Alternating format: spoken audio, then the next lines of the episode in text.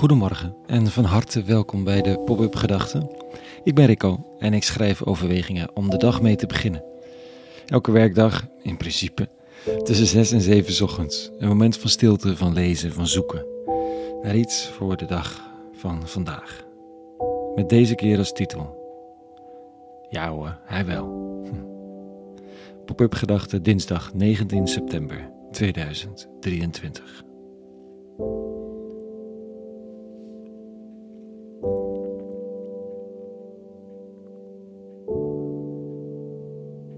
De Kift is niemand vreemd. Niet de band, daar heb je wel of niet van gehoord, maar het gevoel. Jaloezie. Het gevoel dat iemand heeft wat jij ook wel zou willen hebben. Of eigenlijk zou hebben verdiend, min of meer. Maar goed, dat zijn lage gevoelens, Kift. Dus die laat je natuurlijk niet zomaar toe.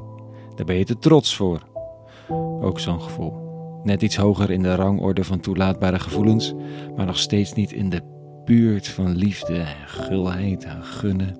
Die hebben zo'n vergulde positie op het podium met medailles en flesjes champagne. Kift staat onderaan, verongelijkt te doen. Hm. En te trots om toe te geven staat ernaast. Te doen alsof het hem of haar totaal niet boeit allemaal.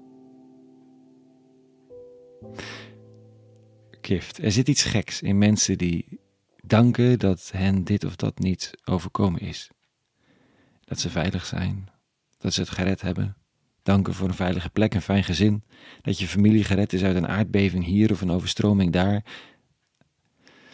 Want wat met degenen die niet gered werden? Was God daar niet? Vond het niet nodig? Heb je daar een verhaal voor en wat voor verhaal dan? De dankbare zal zeggen dat het wel moeilijk wordt om überhaupt dankbaar te zijn dan. Want als je niet selectief dankbaar mag zijn omdat er nog zoveel leed is, ja, dan is het gauw gebeurd met elke vorm van dankbaarheid. Een collectieve staat van depressie. Vandaag staat er dit in de lezing van de dag. De rabbi uit Nazareth loopt door het land, ziet een begrafenisstoet van een overleden kleine jongen en voelt medelijden met de moeder. Hij zegt, zo staat er, schrij maar niet. Daarop trad hij op de lijkbaar toe en raakte die aan. De dragers bleven staan en hij sprak, jongeman, ik zeg je, sta op. De dode kwam overeind zitten en begon te spreken, en Jezus gaf hem aan zijn moeder terug. Hm. Allereerst ongeloofwaardig, zo'n mirakel. Maar natuurlijk, als het dat niet was, dan was het ook geen wonder. Los even daarvan. Het is ook wel een ding. Hoeveel overleden kinderen in zo'n land zijn er? En waarom dan deze? Omdat hij het toevallig zag en toevallig door medelijden bewogen werd, is dat überhaupt wel verantwoord? De omstanders reageren een beetje anders. Er staat, alle werden door ontzag bevangen en zij verheerlijkten God, zeggende, een groot profeet is onder ons opgestaan. En God heeft genadig neergezien op zijn volk. En dit verhaal over hem deed de ronde door heel het Joodse land en de wijde omtrek. En het verhaal gaat rond en brengt vreugde, geen kift. Zo lijkt het. Men raakt geïnspireerd, voelt zich bevoorrecht. Het maakt de tongen en de harten los. Wat gebeurt hier? Deze mensen zien het als een cadeau aan hen allemaal. Bevoorrechting van hen allemaal. Hoe briljant is het? Dat is wel het tegenovergestelde van collectieve depressie. Wat doet die Jezus van Nazareth met zijn willekeurige wonder? Hij lijkt veel meer mensen op te wekken dan die ene. Door dat ene wonder. Op te wekken niet uit de dood, maar uit de apathie. Uit het slachtofferschap van het leven, uit de sleur. Met wat als intentie? Niet om zoveel mogelijk mensen een stukje van het leven te verlengen, maar om mensen op de een of andere manier op te wekken tot een nieuw type leven.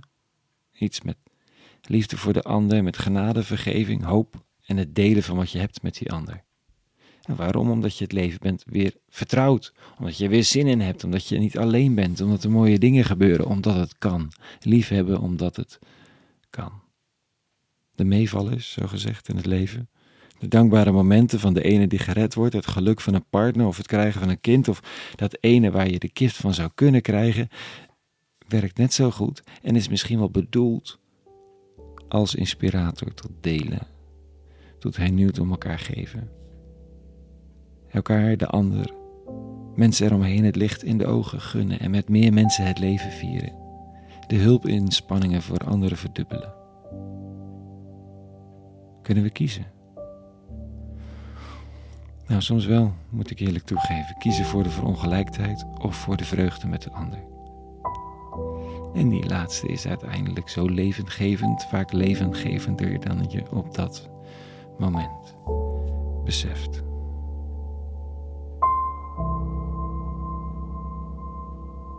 Tot zover vandaag.